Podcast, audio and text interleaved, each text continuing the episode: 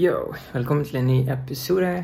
I denne episoden skal vi snakke med Astrid, som er leder i AUF. Eh, Det er en ganske kort episode. Ganske nice. Hun kom hjem til meg eh, hjemme i Oslo, og så snakket vi mye om Astrid sin eh, reise i politikken og sånn, hvorfor hun har valgt eh, AUF, og egentlig om bare Astrid sine hjertesaker igjen. Eh, Så ja, det er vel basically det. Tusen takk igjen, Astrid, eh, som tok tiden til å snakke med meg. Eh, Så ja, her er samtalen mellom meg og Astrid. All right, er du klar, Astrid? Ja. ok. Eh, først tusen takk eh, som har tatt deg tiden til å være her med meg i dag. Takk for invitasjonen. Hyggelig.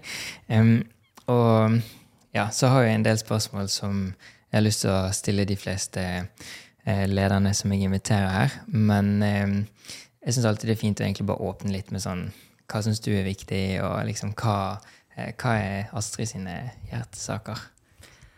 Det er et stort spenn, da. Men eh, jeg tror kanskje det som føles viktigst også fordi det haster mest til klimakrisa. At vi vet at for hver eneste dag som går, så går det enda litt kortere tid til vi er nødt til å kutte halvparten av verdens klimagassutslipp. Og det er jo en så enorm oppgave at det nesten kan føles sånn umulig å løse. Men, eh, men alternativet er ikke til å leve med, så vi er nødt til å klare å løse klimakrisa. Og samtidig som vi klarer å løse klimakrisa, så er vi nødt til å få forskjellene mellom dem som er mest og dem som er minst, ned. Jeg er veldig bekymra for at uh, hvis vi tenker at vi skal løse klimakrisa samtidig at mange ikke skal jobbe på andre sida, eller at ulikheten skal øke som en konsekvens av at vi løser klimakrisa, så vil det verken tjene å løse klimakrisa, og vi vil få en ulikhetskrise på andre sida som vi også er nødt til å takle. Og så er det jo nå også internasjonal solidaritet. Det har vært viktig lenge, men det føles også veldig tett på kroppen med det som foregår i Ukraina. Det at eh, Norge er nødt til å ta sin uh, rolle i verden seriøst. Vi er nødt til å være dem som leverer på bistand. Vi er nødt til å være dem som uh, følger opp våre forpliktelser, både når det kommer til fredsarbeid, når det kommer til å støtte opp under alle dem som lever i ufrihet. Så det siste som vi liksom jobber mye med i AIF, og som jeg jobber mye med, er like muligheter for vår generasjon som generasjonene før oss. Vi kan jo bli den første generasjonen som får færre muligheter enn foreldregenerasjonen. På boligmarkedet, på arbeidsmarkedet, eh, i økonomisk trygghet. Og det å bare sørge for at også vår generasjon kan ha tro på framtida. Og det er en politisk oppgave å sørge for. Heftig. Ja, det er store spørsmål. Ok, ja. Bra sted å starte. Em, og henger, henger det helt sammen for deg, forresten? Liksom hjertesaker og hva du syns er viktigst å jobbe med nå? Eller, eller er det litt forskjell på akkurat det nå for tiden? på en måte? Så når jeg meldte meg inn i AUF, så var ikke det liksom pga. klimakrisa eller internasjonal solidaritet eller de store spørsmålene. Det var fordi jeg ville bygge en skatepark i Kristiansund. Seriøst? ja, så, Kødder du? Respekt. og jeg drev ikke med skating. Eh, Jeg Ja, drev med ballett og helt andre ting. Men, eh, men det var litt sånn man snakka så mye om uorganisert ungdom, at de ikke hadde noe sted å være. Hvis de ikke spilte fotball eller dansa ballett, eller gjorde de tingene, så var Kristiansund AUF sin kampsak en skatepark, og det syns jeg var en god idé. Eh, Og så balla det litt på seg liksom, når jeg kom inn i AUF, så skjønte jeg hvor mye det hasta med klimakrisa. Og jeg skjønte at det ikke var alle som levde akkurat på samme måte som vi gjør i Norge. Eh, At det var ulike rettigheter for kvinner i ulike land, for homofile. Altså, Ting jeg egentlig ikke hadde tenkt så mye på da, før jeg ble med i ungdomspolitikken.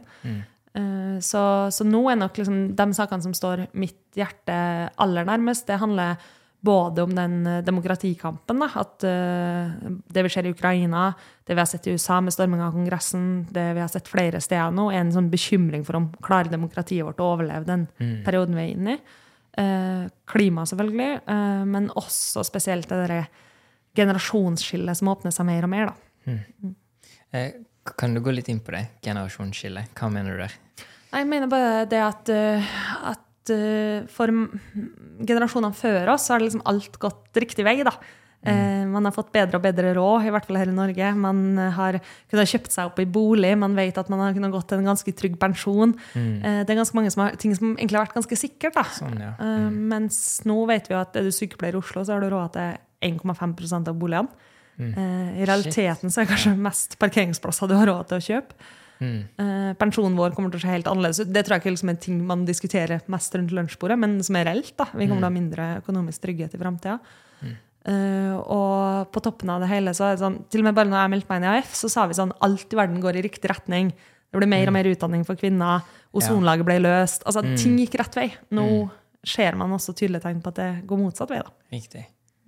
Wow, ja, Det husker jeg sjøl hadde mye fokus på når jeg først ble liksom engasjert i frivilligheten. og sånn, at liksom, Spesielt med Hans Rosling Ja. og alt sånt. Og sånn, Det er jo liksom verden er mye finere. Og, Mm. og så sånn, ja, er han det? Er liksom sånn, eller nå er det mye skumle ting som skjer også. Mm. Um, ok, men eh, Ok, så klimakrisen liksom er en veldig viktig sak. Og eh, bare sånn for å få det sagt òg igjen her, bare sånn eh, Jeg er ikke flink på politikk eller liksom begreper og mye sånt. Det er jeg ikke så veldig god på. Um, og heller ikke em, Altså, jeg har ikke lært så veldig mye om de ulike politiske partiene, på en måte. Jeg har sikkert sånn grunnleggende kunnskap, vil jeg tro. Men jeg bare lurer på um, Hvorfor meldte du deg inn i uh, AUF, liksom? Av alle partiene og sånn. Hvordan endte du opp der? Nei, det var først og fremst den skateparken. eh, Og så var det, og så var det i tillegg sånn eh, at jeg husker at jeg overværte en samtale mellom eh, Jeg var jo sånn elevrådsjente da, som alltid satt i elevrådet. eh, Som rakk opp hånda og sa sånn, jeg stiller til elevrådet. Ja, litt nerd òg, men jeg var en av dem. Eh, Og da var det to andre som var litt eh, eldre enn meg, som satt i elevrådet på Atlanten ungdomsskole, som krangla mye om arveavgift. da. Og Den ene var aktiv i Unge Høyre, og den andre var aktiv i AUF. Mm. Og jeg var mest enig med henne i AUF. Okay, ja. Så det var liksom en kombinasjon av den skateparken og Kult. egentlig noe jeg ikke hadde så mye begrep om, for jeg visste ikke hva arveavgift var, men jeg skjønner liksom, jeg følte at hun snakka mer til meg enn han. da. Hmm. Gøy. Em, ok, og, og så uh, jeg, jeg har en del spørsmål om natur og klima, mye sånn, siden jeg jobber en del med liksom, eh, det. da. Så jeg bare lurer på, hva, hva tenker du er noen av de, de beste løsningene for å løse klimakrise og naturkrisen? Kanskje begge, eller en av de? Jeg tror i hvert fall at Norge er nødt til å ta inn over seg at det kommer til å koste litt for oss òg. At vi må ta vår del av de internasjonale forpliktelsene. Vi har pumpa opp olje og gass eh, og vært med på å bidra i stort monn til klimakrisa. Selv om utslippene alltid ikke vises her i Norge, fordi det brennes kanskje andre steder, så er det fortsatt klimagassutslipp vi bidrar til. Eh, så der, der er jeg opptatt av at vi er nødt til å omstille oss vekk fra oljeindustrien. Og det handler både liksom om klimakrise, sånn, vi må gjøre det for klimaet sin del, men det handler jo også om å få til den grønne omstillinga. At hvis Norge ikke gjør det nå, hvis vi ikke er de som blir ledende på havvind og på fornybare løsninger, så kommer vi til å være bakerst i konkurransen med resten av Europa og verden på hvem som skal få levere de løsningene. Og det vil bli mer krevende å skaffe nye arbeidsplasser innenfor det grønne skiftet. Og så må vi jo elektrifisere alt som kan elektrifiseres. Altså Det er et av de viktigste tiltakene vi gjør for å kutte klimagassutslipp. Og det kommer til å kreve masse ny fornybar energi, som er krevende med naturkrisa samtidig. Så det å finne den balansegangen der, det er liksom det som er litt utfordringa av alt av klimapolitikken. At det er veldig mange dilemmaer, og spesielt også mellom klima og natur. Men, men jeg tror at Norge er nødt til å gå foran som et godt eksempel som klarer begge deler. da. Eh, er det noen spesielle tiltak som eh, du, du, du eller dere støtter, men som de andre partiene kanskje sånn Nei, det er en dårlig idé. Liksom, Vi har jo kanskje vært en av de tydeligste kritikerne mot norsk oljeindustri. Eh, og det er det jo flere ungdomspartier som er, men der er det jo større forskjell mellom AUF og Arbeiderpartiet enn eh, enn mellom kanskje andre ungdomspartier. Så vi har pusha på det og hatt Lofoten, Vesterålen og Senja som en av våre viktigste kampsaker fram til vi vant det på landsmøtet i Arbeiderpartiet i 2017. Eh, og så, så er vi jo også veldig opptatt av den uh, elektrifiseringa. Uh, der er det jo litt uenighet om elektrifisering av oljeplattformer og den type ting. Og så, um, og så er vi nok kanskje går litt lenger i at vi må bygge ut mer fornybar energi, uh, sjøl om det kan være motstand av ulike grunner på det. Som vindkraft på land, da. mm. Ja. Jeg har ikke satt meg så mye inn i eh, vindkraft. Ja, det er en heftig debatt. ja, det har jeg sett, iallfall. Ja. Um, ok, ja. Og så eh, litt tilbake til dette med naturkrise og sånn. Så nå er det ca. én av fem arter som er på rødlisten, iallfall. Um, eller at uh, totalt sett så er det én av fem arter i Norge som er på rødlisten, da. Um, og ja, du, du, du var litt inn, inne på det, på en måte. At dette er liksom Det henger veldig sammen med klimakrisen og sånn, og hvilke gode tiltak man eventuelt har der og sånn. Men hvis vi kun ser på naturkrisen, eh, har du noen spesifikke forslag du tenker som liksom vi kan gjøre for å eh, hjelpe å ikke ha så sykt mange dyr eh, på den røde listen? da? Ja, Vi mener at man må innføre det som heter realbudsjett. og Det handler jo egentlig om at vi har ikke helt oversikt over hvor mye natur vi bygger ned. Og Der det kanskje har kommet mest fram i debatten, er jo på utbygging av eh, vindmøller. Men det er jo andre ting som tar veldig mye mer natur. Hyttebygginga vi driver med i Norge med nye hytter. Masse natur. Nye veiprosjekter. Enormt mye natur. Og så kan du sitte i én kommune da, eh, og være kommunestyrepolitiker og ha lyst til å bygge ut det hyttefeltet for å øke turismen. Og det kan også være en forståelse i seg sjøl. Men hvis du ikke ser det i sammenheng med det som skjer i nabokommunen, og i kommunen kanskje ganske langt unna deg, så klarer du ikke å få totalregnskapet på hvor mye natur du bygger ned i Norge hvert eneste år. Så det å ha en slags form for arealbudsjett der du også er nødt til å Bruker du det her arealet, så er du nødt til å la det her arealet være, eller kanskje tilbakeføre en her type areal. Eh, Det, det tror vi kan være en del av løsninga, i hvert fall for å få den oversikt, da, for ingen har helt oversikt over Ja, hvor mye natur vi bygger ned. Jeg husker det, det var, jeg husker ikke nøyaktig hvem. Tror det var Albert der, Mm. fra RU som også nevnte noe sånt. Em, er det mye motstand rundt det, eller tror du det er en sånn sak som de fleste egentlig er enig i, og som snart kommer til å skje? Det blir litt sånn not in my backyard-politikk noen ganger. Jeg tror alle er enige om det. Eh, hvis du spør de fleste kommunepolitikere, kjempeidé. det, og så kan man begynne med det sjøl, og så er det sånn Å ja, det var litt mer krevende. Fordi det krever også at du prioriterer, og at du sier da blir det ikke motorvei der hvis du skal ha hyttefelt der. Eh, men, men jeg tror liksom Framtida er for arealbudsjett og naturbudsjett også, som man også kan kalle deler av det. At du regner på hvor mye natur du, du bruker. Mm. Så jeg, jeg tror det kommer til å bli innført, men ja. Spennende. Kult. Håper det. ja. det var nice. Um, og angående lover og regler og sånn, har du Og dette kan bare handle om hva som helst, egentlig. Men noen du vil enten innføre eller fjerne, liksom, hvis det var opp til deg? Ja, jeg tror man f.eks. kunne ha fjerna moms på reparasjon og alle den type ting som gjør det Ja. enklere å gjenbruke ting. Mm. Eh, merker det sjøl. Jakke, det glidelåsen er litt sånn eh, irriterende på. Og sannsynligheten for at jeg kjøper meg en ny jakke istedenfor å sjekke hvor mye det koster å bli fiksa, er Mm. ganske stor, fordi at man vet at det er ganske dyrt å få fiksa det. Mm. Uh, og så tror jeg man er nødt til å ja, stille strenge krav på bruk av natur. Um, og så vil jeg endre en del av oljeskattepolitikken vi har i dag. For jeg mener den er for, uh, det er for høye insentiver til å åpne nye oljefelt versus å drive med annen industri. Da. Det. Er det politikkfullt i Ja, og jeg er leder i AF Frikjøp, da, så jeg Ja, gjør det som jobb ja. på. Mm. Kult. Ja.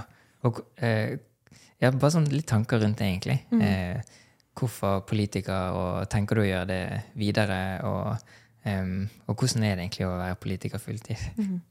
Altså, jeg syns jeg har den gøyeste jobben jeg noen gang kunne ha sett for meg hatt. Og det Ja. å kunne liksom jobbe med AUF, og spesielt AUF-ere, og være med på et lag der folk våkner opp hver morgen og tenker på sånn, hvordan kan jeg endre verden til det bedre? Eh, og ungdomspolitikken har liksom ikke det der det der i voksenpolitikken der man sier sånn, det er umulig. Man bare tenker sånn, hvordan gjør vi det mulig? Og det syns jeg er veldig gøy å være en del av. Og så er det jo ikke sånn at jeg, når jeg meldte meg inn AUF, hadde noen som helst tanke om at jeg en dag kom til å bli leder. Det var liksom ikke noe jeg så for meg i det hele tatt. Um, men jeg er utrolig heldig som får lov til å drive med det på fulltid. Og så så får vi se, da. Jeg tror ikke jeg kommer til å være politiker hele livet mitt. Eh, og av og til så snakker man jo litt sånn om broilere i ungdomspolitikken og folk som bare har drevet med politikk. Og det syns jeg er litt sånn urettferdig når man sier mot ungdomspolitikere. For når du er 17 år og er aktiv i et ungdomsparti, så er det nettopp det du skal være. da. Du skal være 17 år og ha erfaringer med å gå på videregående og synes mm. fraværsgrensa er kjip, og at du trenger flere lærere og skolehelsetjenesten. Mens realiteten av man burde ha sett på som broilere, er jo sett på de 40-50 år gamle mannfolka som har drevet med det hele livet og kanskje aldri jobba med noen. Da. Så, så jeg er jo veldig glad for at mange unge engasjerer seg i AUF, da, fordi de skal nettopp være ung og ta med seg det perspektivet inn i politikken. Ok. Har du noen andre ting Hvis, hvis du ikke skulle drevet med politikk, liksom, Mm. har, har du noen andre tanker på hva det kunne vært? Altså, jeg gikk to uker på en master, da, så jeg har liksom en master som jeg burde bli ferdig med på et eller annet tidspunkt. Jeg har i hvert fall lovt pappa det. Eh, så, så det burde jeg gjort. Eh, Og så er det jo ufattelig mye spennende eh, jobber i Norge. Men jeg tror jeg kunne tenkt meg å jobbe med samfunn på en eller annen måte, og politikkutvikling. Kult. Spennende. Um, ok, så en av grunnene til at jeg har denne podkasten også, og noe med liksom folk i politikken og sånn òg, er ja, For jeg prøver for så vidt også å endre verden litt, med liksom via frivillighet og de greiene der. Um, og så ser jeg en del sånne tendenser til ja, som polarisering, og at folk bare er skikkelig sinna på hverandre og liksom klarer ikke å bli enige, ser det ut som. da. Um, og etter å ha sett på en del debatter og sånn spesielt, så har jeg måttet to spørsmål. Det ene er um, hvordan du tenker vi kan liksom minske polariseringen og bli litt mer enige og liksom se at eh, kanskje, kanskje vi alle vil ish det samme, men selvfølgelig på veldig ulike måter. og sånn. Så liksom én, hvordan minske eh, polariseringen. Um, eller ja, vi kan egentlig bare starte med det, kanskje. Ja, jeg tror det er litt flere ting. Jeg tror En av tingene som bekymrer meg mest i samfunnsutviklinga, er jo liksom at generasjonene før oss de har alle sett på Dagsrevyen, fått informasjon derifra, fulgt med på de samme debattene. Når du sitter rundt lunsjbordet dagen etterpå, så er liksom alle har sett det samme, så kan du ha ulike meninger, men du har samme informasjon som du har fått inn. Ja. Eh, og så er det liksom vi som er eh, litt eh, liksom ung, men på slutten av ungdomstida, vi har også egentlig hatt flere like debattflater. Vi har vært eh, P3, for eksempel. De fleste har fulgt med på det. Eh, du har vært Facebook, så har det vært liksom, ikke den samme type algoritmestyring som nå kommer med TikTok. Nå sitter vi virkelig og er på helt forskjellige flater, ja, ja. for helt forskjellig informasjon, Sure. helt forskjellig input. Mm. Eh, og når du skal møtes for å diskutere, så er det ikke sikkert at du har samme faktagrunnlag eller samme bakgrunn for diskusjon. Og det er veldig bekymringsverdig på sikt, at man liksom ikke har det felles sånn, grunnlaget på det man diskuterer. Så jeg tror vi er nødt til å ta tak i de algoritmene. Og vi vet jo sånn at algoritmene for eksempel favoriserer ting som skaper mye frustrasjon og irritasjon. Fordi at det skaper blest, og det skaper skjærer. Mm. det- Men det gjør jo også noe med oss mennesker, da, at hvis alt vi ser, er liksom det vi er uenige om, og ikke det som vi er enige om. Så, så det å ta tak i de algoritmene, styre mer sosiale medier, egentlig, da, eh, regulere det mer, eh, det er veldig mye makt i det å sitte og drive TikTok eller Facebook eller Twitter eller Instagram.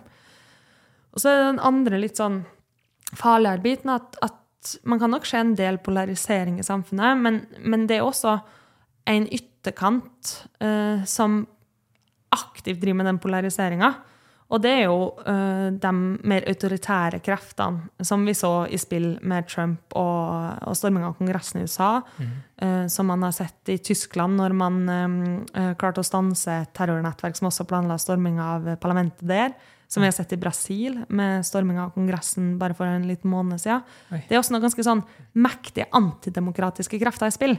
Og der tror jeg vi skal være litt forsiktige med å kalle det polarisering. For det er også noen veldig ytterliggående krefter som ønsker en annen type utvikling. Eller bare den krigen som Putin nå fører i Ukraina, som er tufta på konspirasjonsteorier og propaganda. Det er jo ikke en polarisering egentlig mellom folk. Det er jo noen, en, eller liksom enkelt, eller ikke en enkelt, men en autoritært regime som egentlig polariserer debatten. Og der, der er jeg veldig bekymra for om vi klarer å fortsette den demokratiske utviklinga vi har hatt i verden. Da. For vi, nå er det færre og færre demokratiske land bare det siste tiåret. Oi, seriøst? Ja. Oi, Så det er liksom motsatt av det du sa med Hans Rosling, at det er den følelsen Ja. at ting går i feil retning. Oh no. Mm. Damn, ok. Oi, det var ikke jeg klar over, faktisk. Ha. Og hva Ja, kan vi prøve å touche litt dypere inn på det? Mm. Liksom, hva, hva, hva vil det si for samfunnet, eller hvordan, hvordan kan vi løse det, liksom? Ting vi før syntes var helt ytterliggående, er jo blitt mer normalisert. Eh, bare i form av at sånn, hadde noen sagt til meg at det kom til å være stater i USA som innførte så å si totalforbud mot abort for ti år siden, så hadde jeg ikke trodd på det. Mens nå er det jo såpass normalisert at eh, eh, det er ganske mange i Kongressen, mange parlamentsmedlemmer, som mener det er helt legitimt. Eh, ikke å diskutere de etiske grensene for abort, men om det skal være lov i det hele tatt. Eh, du har hatt eh, homofrie soner i Polen. eh, du har liksom de ytterliggående kreftene som, som også har blitt mer normalisert, da, rett og slett fordi at det har blitt mer normalt å mene det. Eh, og, og heldigvis så ser vi ikke helt de tendensene ennå i Norge, men også her har vi mer ytterliggående uh, krefter som får stå på Debatten på NRK og si navn i muslimer som burde deporteres. Altså det er en del ting som har skjedd i samfunnet vårt som, som før ville ha vært helt hårreisende å si, som nå liksom har blitt mer normalt. Da. Wow. Heftig. Ok. um, ok, Så den andre tingen, eh, som var minsk polarisering, og det andre var eh, Bare litt sånn nysgjerrig spørsmål. Eh, hvordan snakker politikere sammen? Ja. uh, altså jeg tror jo ofte uh, når man f.eks. skal på Dagsnytt 18, så sitter man jo der en halvtime før og venter på å skal inn. Og da sitter man jo der og spiser Twist og snakker om helt andre ting. Hva skal du i helga?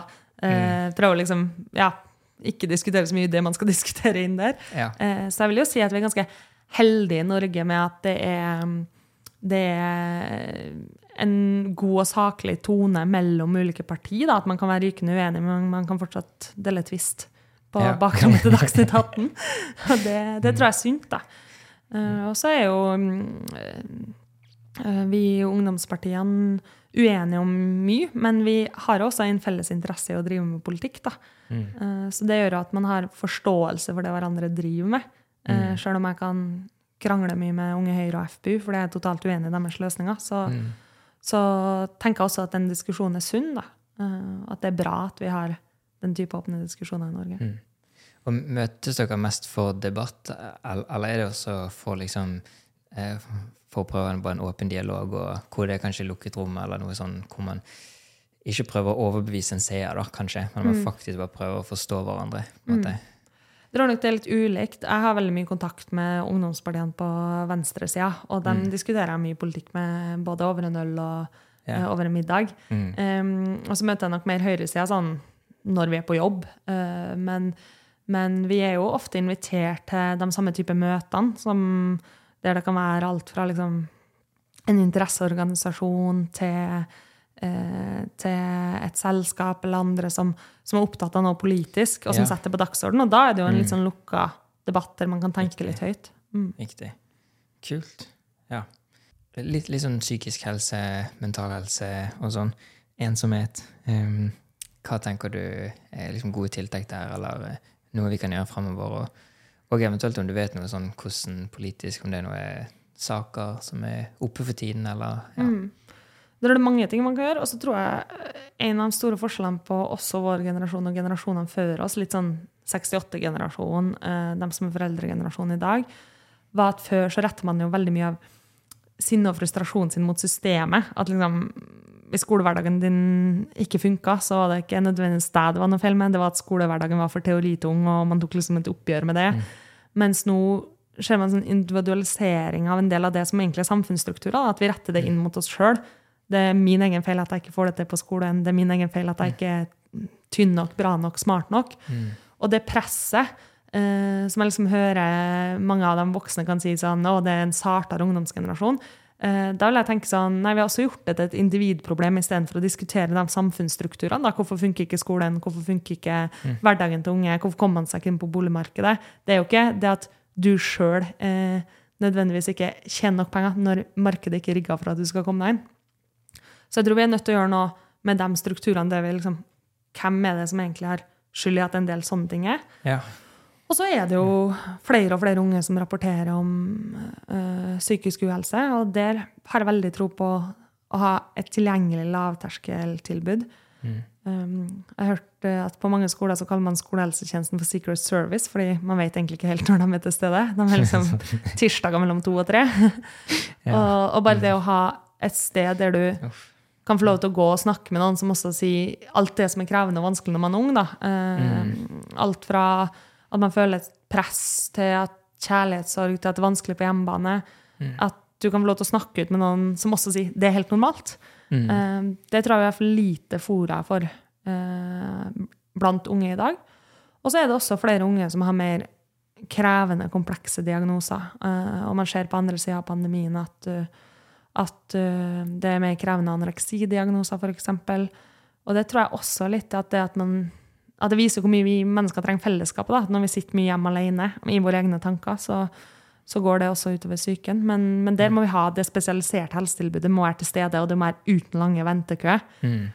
Og en av de største sånn, frustrasjonene jeg hører fra mange derfra, er at de sier hvis jeg kjenner noen eller sliter psykisk sjøl, så vet jeg ikke helt hvilke råd jeg skal gi. Hvor skal man gå? Mm. Hvor skal man få den hjelpa? Og det må være enklest mulig. Det kan ikke være sånn at du får beskjed om at du får en time om seks måneder når Nei, du virkelig ja. har det krevende. Vet du, bare sånn oppfølging til det, sånn, hvordan man kan ja, minske den ventetiden? Jeg tror at man må se på spesielt unge som kanskje en egen gruppe, også for f.eks. i Nav-systemet. da. Eh, Når du henvender deg til Nav, så er det litt sånn rigid. Der blir du sendt for å få hjelp med bolig, der med arbeid, der med helsa.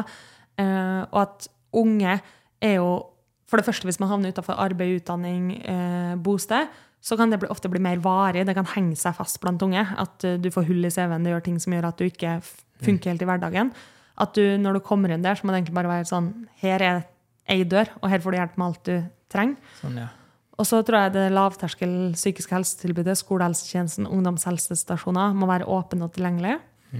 Eh, og så jeg vil, liksom, Spesialisthelsetjenesten syns jeg òg er veldig sånn teknisk, men, eh, men så der har jeg ikke noe sånn klare svar. Det og det må vi gjøre, men vi må i hvert fall gjøre noe for å få ned den ventekøen.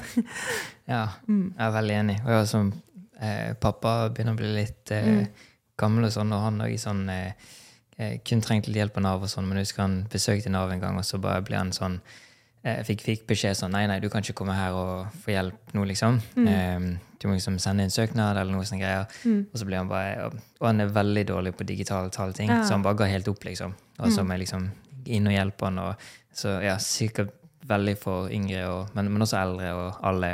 Men jeg har null aning, altså. På, Ja. men, jo, men jeg eh, tror en del av de eh, eksemplene man ser på brev eller ting man skal forstå, bør man nesten ha mastergrad på en måte for å, for å klare å tolke. Jeg ville ikke klart å tolke, i hvert fall. Mm. Ja, det kan virke som det. det kan du si én eh, fin ting og en en måte hyggelig tilbakemelding til eh, hvert av de andre partiene? Ungdomspartiene, eller eh, Eh, ja, jeg har Ja, jeg tror det er det jeg mener, Ja. men jeg har ikke spesifisert det. ja. Um, men la oss gå ut ifra det. Ok, ja. Så til hvert enkelt. Riktig. Okay, Ja. Da, Mm. ja, da kan vi starte på toppen på RU. Uh, RU er jo et ungdomsparti som har ganske mye mindre ressurser uh, enn mange av oss andre, men får til veldig mye. Så jeg er alltid veldig imponert over Mm. hvordan de klarer å holde um, høy aktivisme og høyt trykk på politikken med å også være, ha mindre ressurser enn mange av oss som er litt større. da. Er det bare fordi altså, de er mindre? måte? Så ja, for de er mindre ressurser oppslutning, og, og vi får jo støtte etter oppslutning, og de har Sånn, jo ikke ja. vært på Stortinget like lenge, og sånn, så jeg er Ja. veldig, ja, veldig imponert over den jobben som RU gjør der. Kult. Uh, SU er jo et av ungdomspartiene som jeg har tettest kontakt med, og jeg lærer alltid mye av å snakke med Synnøve, som er leder der. Hun er veldig sånn, Mm. Både ideologisk klok, men også veldig pragmatisk i å finne de gode løsningene, spesielt for unge og på klima, så, så hun lærer jeg veldig mye av. Senterungdommen sitter jo sammen i regjering eh, og har veldig tett, eh, tett kontakt også med dem. Eh, Og Senterungdommen er jo liksom alltid god på å få det blikket litt utenifra. Sånn, hva er det egentlig man trenger? Kan være ulikt fra å bo i Oslo eller bo et annet sted. Og det å ha med seg det perspektivet inn i politikken tror jeg er, er sunt. Og da er vi over på Senterungdommen, Grønn ungdom. Eh, også et ungdomsparti som jeg og AUF har eh, mye kontakt med. Og jeg syns det er tøft å stå så kompromissløst i klimakampen. Jeg tror det er nødvendig også å ha eh, de stemmene som er så tydelige på det. Mm. Så eh, KrFU er jo et uh, ungdomsparti som jeg kanskje føler meg lengst eh, langt unna politisk, men, men samtidig så er de alltid gode på å trekke opp um, diskusjoner rundt mobbing, f.eks. utenforskap, Uh, flyktninger, mennesker på flukt, og huske på mange av de mest sårbare gruppene. Uh, det tror jeg er sunt i norsk politikk. Unge Venstre eh, er gode på å tenke nytt, så jeg er ikke alltid enig i det de tenker nytt på, men, eh, men jeg tror det er bra. og så kommer vi på den delen av aksen der vi kanskje er aller mest uenige, da. Men, mm. men uh, Unge Høyre setter veldig pris på i debatten rundt, eh, rundt tiårsmarkeringa etter 22. juli. Eh, når vi ville diskutere det politiske aspektet, så var også Unge Høyre en av dem som var mest åpen og også villig til å diskutere det. Og det trengte man også at noen fra høyresida gjorde, så de var med på å flytte hele den debatten. FPU em, er jo et uh, ungdomsparti som jeg kanskje har veldig krevende med å finne politisk felles grunn med. Eh, men uh, men Simen, som er leder der, er alltid god på å heie på ungdomsengasjement. Og, Mm. ja, og det, det tror jeg er veldig bra. At han har en sånn, litt sånn heiakultur, uavhengig av om han er uenig. Nice. Mm. Og vil du ta listen en gang til, da? Ja. Med litt mer sånn Ett ord. Nå ble det Eh, langt, eller? Nei, nei, perfekt. Ja. men eh, altså, eh, jeg kunne nesten sagt liksom én fin og én stygg ting, men jeg vil ikke si stygg, Å ja, liksom. ok, ja, det var det du Så- på. det. Ja, da kan jeg Men, Ok, men, En kritisk ting, da. ja, så, så jeg vil si du Nå sa du fint om alle, Å, jeg trodde det var det jeg skulle gjøre. Ok, Ja. da, da. og, og det spurte jeg om. Ja. Men også en eh, Kritisk liksom- ting. Ja. Mm, Ok, da starter jeg på toppen igjen, da. Eh, rød ungdom. Um, av og til så tror jeg ikke kartet og terrenget alltid stemmer. At verden kan endre seg ganske fort. Og da eh, Men ja, nå har de jo endra standpunkt på våpen til Ukraina, f.eks. Men, mm. men jeg tror eh, at det kan være vanskeligere å snu rød ungdom og rødt eh, enn ganske mange andre eh, ungdomsparti og parti. Um, SU det mest negative er at de ikke er i regjering. Jeg skulle gjerne hatt dem inn i regjering.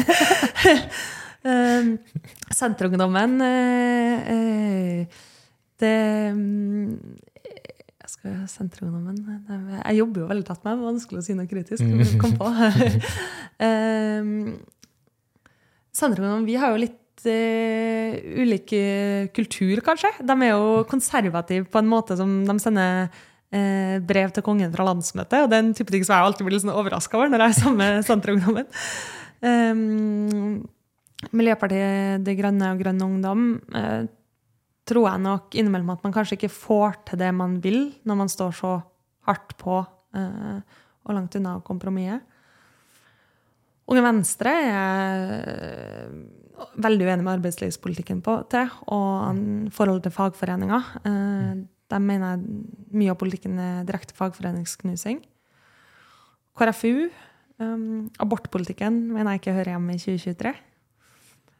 Uh, Unge Høyre, der er det jo veldig mye vi er uenige om. Uh, men jeg tror kanskje den største uenigheten er det uh, hvordan man alltid har en tanke om at uh, bare man jobber hardt nok, så, så, vil man få det til. Når vi vet at det er veldig mange mennesker som blir født med helt andre muligheter mm. enn andre. Og um, FPU um, har jo liksom en Hvis man leser de politiske programmene deres, eh, nesten en sånn slags nattvekterstat, der staten nesten ikke skal stille opp med noe som helst. og det, mm. Eh, det er jeg grunnleggende uenig i. Og så tror jeg også at de i større grad kunne um, tatt et tydelig oppgjør med en del av Human Rights Service Resett, en del av dem som lytter ekstra til dem. Så det savner jeg jo at Fremskrittspartiet mm. gjør. Wow. Ja. Nydelig. Bra levert. og veldig fint. Ja, egentlig. Um, ok, Så nå har du touchet inn på litt i sted, mm. og litt nå uh, uh, her med FPU, egentlig. Um, dette med liksom hva, hva er på en måte samfunnet Eller liksom hva er politikerne sitt ansvar overfor individet, og mm. hvor mm. må vi liksom ta ansvar sjøl, mm. Hva, hva, tenker du og HF rundt det? Jeg tenker jo at en av de viktigste uh, tingene med velferdsstaten er at det skal gi folk like muligheter, uavhengig av om du har foreldre som har fett med penger, uh, bor i en kjempestor villa, eller om du er født i kommunalbolig, mindre eh, dårlig råd. Mm. Så er det noe med at du skal nå så langt som du sjøl vil. Og jeg har ikke noe tro på det at uh, hvis du sier at alle skal starte med det utgangspunktet man har, og bare du jobber hardt nok, så har vi sett nok bevis på at det ikke funker. De aller rikeste i Norge har arva pengene sine, ikke jobba seg til det. Mm. Um, og da mener jeg at du skal ha samme muligheten til å kunne ta høyere utdanning, du skal ha samme mulighetene til å uh, kunne jobbe med det du vil, men da må også samfunnet legge til rette for det. Og det handler jo om å sørge for at uh, man har en god offentlig skole uh, som alle kan gå på, som er gratis. Mm. det handler om at du får tilbud og mulighet til å være med på fotballtreninga, at det ikke skal koste skjorta. Så er det noe jeg både ideologisk og politisk uenig med høyresida, som ofte har mer sånn inngang i at bare du jobber hardt nok, så går det bra. Um, det tror jeg er enkelt å si hvis du har mye penger på bok. Mens hvis du er født med mindre ressurser og muligheter, så er det veldig mye mer krevende å komme seg ut av det. Hmm. Okay. Um, veldig random. Uh, men hvor mye har sånn kleskode sånn å si når man driver politikk? egentlig? Liksom Hvordan du møter opp? Tenker du ofte på liksom sånn, altså liksom du må se skikkelig bra ut for å bli tatt skikkelig seriøst? Og er det liksom skikkelig normalt i politikken? eller ja, Altså, føler Ungdomspolitikken er litt annerledes. Eh, det er veldig okay, få som møter med dress på AUF-møter. Kanskje litt lenger ut på høyresida, det er mer normalt, men det er det nesten ingen som gjør hos oss. Um, så, så, jeg føler kleskoden er som stort sett det som er andre kler seg. Uh, okay, ja. ja.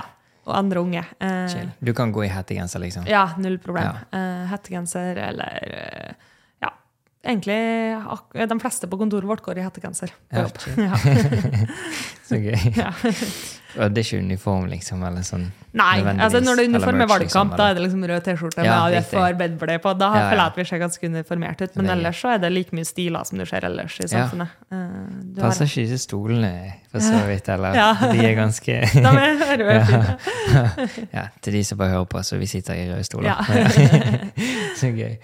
Um, ok, uh, To spesifikke saker. Um, og du trenger ikke å svare på dem, egentlig, mm. men jeg bare lurer. Det ene er gruvedrift på havbunnen havdypet, om du har noen tanker rundt det. Eh, og så veganisme. Veganisme? Ja.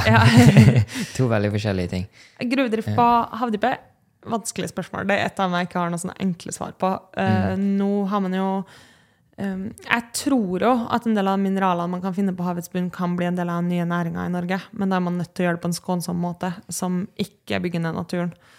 Om man får til det, det er jeg ikke helt sikker på ennå. Men, um, men det er et av de spørsmålene der jeg, jeg har ikke noe klart svar ennå. Det er såpass nytt og såpass liksom, Ja, ferskt at, uh, at det er litt krevende. Mm. På veganisme Uh, ikke noe utover at det tenker jeg folk skal få velge sjøl. Altså, så mener jeg at, eh, at samfunnet bør legge til rette for at det skal være enkelt å velge vegetartilbud, og at vi kan uh, kutte ned på kjøttforbruket vårt. Og det tenker jeg liksom er samfunnets oppgave. Uh. At det skal være billig og enkelt å velge klimavennlig, og ellers så kan man velge hva man spiser sjøl. Mm. Kult. Gøy. Um, ja, for hva, hva er et eh, Igjen sånn svevende spørsmål. Mm. Liksom, hva er sånn ideelt samfunn for deg? Hvis du kunne prøvd å forklare det. Ja, det er et der vi lever i tråd med det naturen og klimaet vårt tåler. Mm. Eh, Der vi har små forskjeller mellom folk, sånn at man har like store muligheter. Både uavhengig av om det er inntekt og bakgrunn, men også kjønn og, og det å eh, være en minoritet i samfunnet og skulle ha like muligheter. Eh, og så er det et samfunn der vi, eh, der vi har internasjonal solidaritet står høyt, og der vi kanskje klarer å komme oss ut av, ut av den retninga vi ser i verden, der demokratiene er på tilbakegang, og, og vi har krig i Europa og flere og flere konflikter. Så håper jeg at vi klarer å komme oss inn i et spor der vi klarer å bygge ned konflikter og bidra til mer demokrati. Da. Fint. um, når du jobber med så mye forskjellig, eh, hvordan, klarer du liksom å holde alt? Eller liksom holde eller liksom Jeg føler som politiker så er liksom nødt til altså Du må jo of course ikke ha et svar på alt, men at jeg har nesten du får forventninger til at du alltid må vite hva som skjer og sånn. Eh, hvordan gjør man det egentlig? Og ja, litt rundt det. Er veldig, vi er veldig heldige i AIF. Vi har så mye flinke folk som både ansatte og tillitsvalgt og bruker tida si i RF At, eh, at eh, det er ikke sånn at jeg liksom sitter og kan alt mulig. Det er folk som jobber spesielt med klimapolitikk hos oss, som er de som er mest oppdatert, som jeg kan gå til og spørre eh, hvis jeg skal i en debatt Ja. eller trenger hjelp til det. Eller skolepolitikk eller internasjonal politikk. Så, så der er bare sånn ja, der, Det hadde ikke gått rundt hvis vi ikke hadde hatt så mye bra folk som hele tida jobba med de politiske områdene, og, og presser på også og gjør størstedelen av den jobben. Nice. Og en annen litt lignende ting. Eh, når det er liksom veldig mye Jeg, tipper i hvert fall som leder så eh, er det veldig mye ansvar, sikkert mye jobb og sånn. Hvordan er liksom balansen for deg, og liksom, hva gjør du for ta vare på deg sjøl? Eh, ja. Ja, det er litt merkelig med å kanskje jobbe med det som egentlig det du er mest engasjert i, og hobbyen din, òg, er at det flyter veldig inn i hverandre. Det, er jo liksom, det går nesten alle helgene, mye ettermiddager, eh, i tillegg til at du er på jobb til vanlig jobbtidspunkt. Så, eh, så jeg vil jo si at jeg både jobber med hobbyen min og hobbyen min som jobb, på en måte. Og da Chill. kan Ja. det Same. Ja.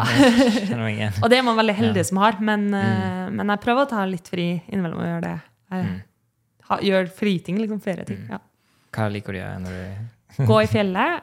Eh, så er jeg jo fra Kristiansund, og er veldig glad i havet. Det er Ja. kanskje det jeg savner mest i Oslo, å ha sånn skikkelig hav. mm, Eh, så da reiser jeg hjem til Kristiansund og er ved havet. Koselig. Mm. Hvorfor tror du at du ble valgt som leder?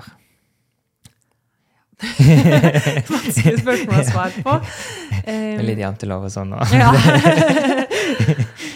jeg håper jo det er det fordi at uh, uh, AUF og landsmøtet i AUF tenkte at jeg kunne gjøre en bra jobb. Mm, Uh, og så har jeg alltid vært opptatt av at liksom, AUF er større enn det vi velger som ledere eller som tillitsvalgte. For det er først og fremst det som bærer AUF, er jo alle lokallagene våre, Uh, alle AUF-erne som gjør den jobben hver eneste dag. da. Um, så, så jeg håper jo at de er fornøyd med meg. Altså, jeg er veldig veldig stolt. og jeg føler, liksom, jeg føler veldig at det er den største æren jeg kommer til å få i livet mitt. Da, å få lov til å lede AUF. Wow. Um, så, så det er jeg våkna opp og er glad for hver eneste dag. Åh, nydelig. um, og hvem inspirerer deg? Liksom? Mm. Ja, det er de, alle AUF-ene. Nå var jeg på årsmøtet til Trondheim AUF eh, forrige fredag, og det å bare være i et rom der det er liksom sitter mange unge i alderen liksom 13 til 30 nesten, som diskuterer hva de vil gjøre i Trondheim etter valget. Hva blir det viktigste for dem der? Hvordan skal vi løse energikrisa? Eh, hvordan skal vi eh, sørge for at vi kutter noe klimagassutslipp? Det er noe enormt inspirerende med å eh, være med på. Eh, så eh, ja, det jeg vil egentlig si at det som inspirerer meg mest, det er AUF-ene. Enten om det er på et årsmøte, eller om det er på sommerleiren vår, eller ja, rundt omkring. Um, og har du noen liksom bøker eller dokumentarer så du er litt sånn Ok, alle bør liksom sjekke ut i seg? Ja, jeg, akkurat det på fritida. Jeg må innrømme at jeg leser ikke så mye sånne biografier eller eh, lov. saksbøker. Jeg leser veldig mye litterært. Ja. Men nå så jeg du hadde den boka liggende der, 'Et lite liv', eh, av Johan av, Ja, et lite liv, nå klarer jeg ikke å uttale eh, navnet, men eh, en av de beste bøkene jeg har lest i mitt liv, Ja. som eh, gjorde skikkelig inntrykk. Fett. Ja, det er min roomie sin, så Ja. skal jeg lese den. Ja, det burde du gjøre. det burde du gjøre. Den, gjorde, den er lang, men eh, den Ja. gjorde skikkelig inntrykk. Ja, faktisk. Wow, den er skikkelig Ja. sak. synes. Og så, mm, og så mm, på dokumentarer og sånn. Nei, de det er, mm, Jeg syns Margaret Olin sin hun dokumentarskap, mange av hennes filmer har gjort veldig inntrykk på meg. Hun har laga filmer fra alt fra papirløse flyktninger til, til andre viktige spørsmål, så de har gjort veldig inntrykk. Kult.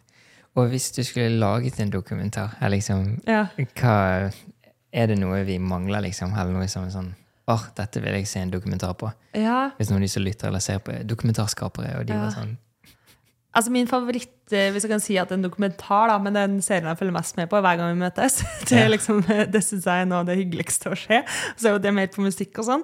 Men jeg husker at de hadde en sånn um, Da jeg styrte landet for en tid tilbake, der det var alle statsministre som fortsatt er i live, som har vært statsminister i Norge, som satt rundt et middagsbord og spiste og diskuterte Ja. eh, sin, eh, sin periode der de styrte landet. Og det er jo veldig kult å høre om Gro Harlem Brundtland, Jens Stoltenberg, Kåre Willoch sitter og snakker om det. Men nesten like kult hadde det vært å invitere liksom, bare en gjeng eh, 16-åringer fra ulike ungdomspartier som diskuterte sånn, hva er det viktigste for oss framover. Mm. Det tror jeg er en dokumentar jeg ville fulgt med på. Kult. Mm. Så gøy. Um, ok, og som en ikke-politiker, altså meg, um, og sikkert mange som hører på og ser på, sånn, hva, hva er noen tips til hvordan kan vi påvirke politikken? Vi kan først ta som enkeltindivid, kanskje. Men så er jeg også nysgjerrig på uh, om det var tips til liksom, frivillige organisasjoner og sånn, og hvordan um, Ja. Det første jeg vil si er at det er å bruke stemmeretten. Og hvis man tenker at liksom det å stemme ikke betyr noe, så betyr det veldig mye. Og det at eh, folk i 50-60-åra stemmer mer enn oss unge, det gjør også at det blir mer tillagt vakt på hva som er viktig for dem i valget. fordi det vil jo også alle sånn velgeranalyser vise. Hva er velgerne opptatt av, hva er de som stemmer på oss opptatt av? Så det å bruke stemmeretten sin, det er jo både å liksom ha direkte makt fordi det partiet du stemmer på, vil få mer innflytelse, men det gir også langvarig eh, innflytelse i politikken. Eh, og så vil jo jeg si engasjere seg i politisk parti. Det ligger ekstremt mye innflytelse i det å være engasjert og gå på medlemsmøter i et politisk parti. Eh, Det er der det bestemmes hva som blir de viktigste sakene til kommunevalget, fylkestingsvalget, på landsmøtet i Arbeiderpartiet, til stortingsvalget. Mm. Og det er jo de politiske partiene sine interne demokratiske prosesser som bestemmer. Så er man en del av det, så er man jo med på å bestemme hva som er det viktigste f.eks. For, for Arbeiderpartiet. Um, og så, så tror jeg på det å være en aktiv del av samfunnsdebatten. Da. At hvis man irriterer seg over at det er noen som får for stor plass, og at det er færre som en sjøl som får plass, så må man jo kanskje ta den plassen sjøl. Og tenke Ja. sånn, Er det for få unge som får talerør? Ja, skriv de leserinnleggene, vær med i den debatten. Mm. jeg tror ikke Demokratiet vårt blir bare bedre av at flere deltar. Så, så det å delta i den offentlige debatten òg, om det så er å skrive på Facebook, eller om det er å sende inn til lokalaviser eller til NRK Ytring, mm. så er det viktig. Og som frivillige organisasjoner, hva tenker du der? Så jeg synes Nor I Norge så har vi ekstremt gode frivillige organisasjoner som bruker lang tid på høringssvar, f.eks. når man utarbeider nye lover på Stortinget, som har lobbymøter med politikere, eh, som er med på å presse politiske, mm, politiske partier. Så, så der tror jeg egentlig å bare fortsette den gode jobben. Og det er jo, jeg vil jo alltid anbefale å være med i et parti i tillegg, men, eh, men en politisk eh, interesseorganisasjon har mye innflytelse både fordi man setter dagsorden, og man er med på å presse såpass mye oppover mot politikken. Mm. Jeg tror jeg jobbet sånn tre brukt fire timer i dag med å bare lese gjennom et høringssvar vi har Ja. noen andre organisasjoner. og Det. Og det er ikke alltid den mest sånn sexy jobben, at man tenker sånn yeah, nå endrer verden steg for steg, og sitter og svarer på høringssvar. Men det er viktig, da. Det Det er er kjempeviktig. Ja. Ja, ja. Å, helt enig. Og lære så masse. Ja. Altså, vi er så heldige, for vi samarbeider litt med eh, WWF blant annet nå, som er liksom Å, for et nydelig team de er, liksom. De er så gode folk. Og, eh, for liksom i de organisasjonene jeg er i, så har vi Altså, vi har veldig lite ressurser da vi liksom er ganske små. Så da har jo ikke vi liksom folk som kan fulltid kun jobbe med det, liksom. Og bare se all den ekspertisen de har og sånn. Og, ja, det er gøy. Og så hører jeg ofte, det vil jeg, også, jeg hører ofte folk si sånn Nei, jeg kan ikke så mye om politikk, eller eh, at man føler at man Ja. vet så mye før man engasjerer seg. Eh, det vil jeg si er feil. At uh, man lærer mye, som du sier, av å engasjere seg. Og det er ikke sånn at bare de som vet mest om politikk, skal være med og styre politikken heller. Uh, altså, vi er, ikke, vi er ikke den type stat der du liksom setter de smarteste folkene i Norge som har lest mest politikk og studert lengst, som styrer landet. Det er liksom, Vi har folkedemokrati, og da skal man også engasjere, kunne engasjere seg uavhengig om man kan alt om de politiske partiene eller ingenting. Og det jeg, jeg hører også mange si sånn at de finner ikke ett parti som de på en måte er enig i alt. Men det trenger man heller ikke. Mm. Nei, sant? jeg er ikke enig med Liksom- alt i Arbeiderpartiet. Nei, sant? Ja. Og jeg tror det, det er nesten litt som å liksom skulle finne kjæreste. At eh, du finner nok ingen som sjekker av alle boksene. Sånn er det ikke med et parti heller. Men godt nok til at du tenker det her lever jeg godt med, og så kan jeg være med på å påvirke litt det siste delen. ja. Har du noen kjærlighetstips? uh, altså, jeg jeg møtte kjæresten min i LO, så der igjen Oi. engasjerer seg i, Ja. i en organisasjon. Dra på kurs. Wow.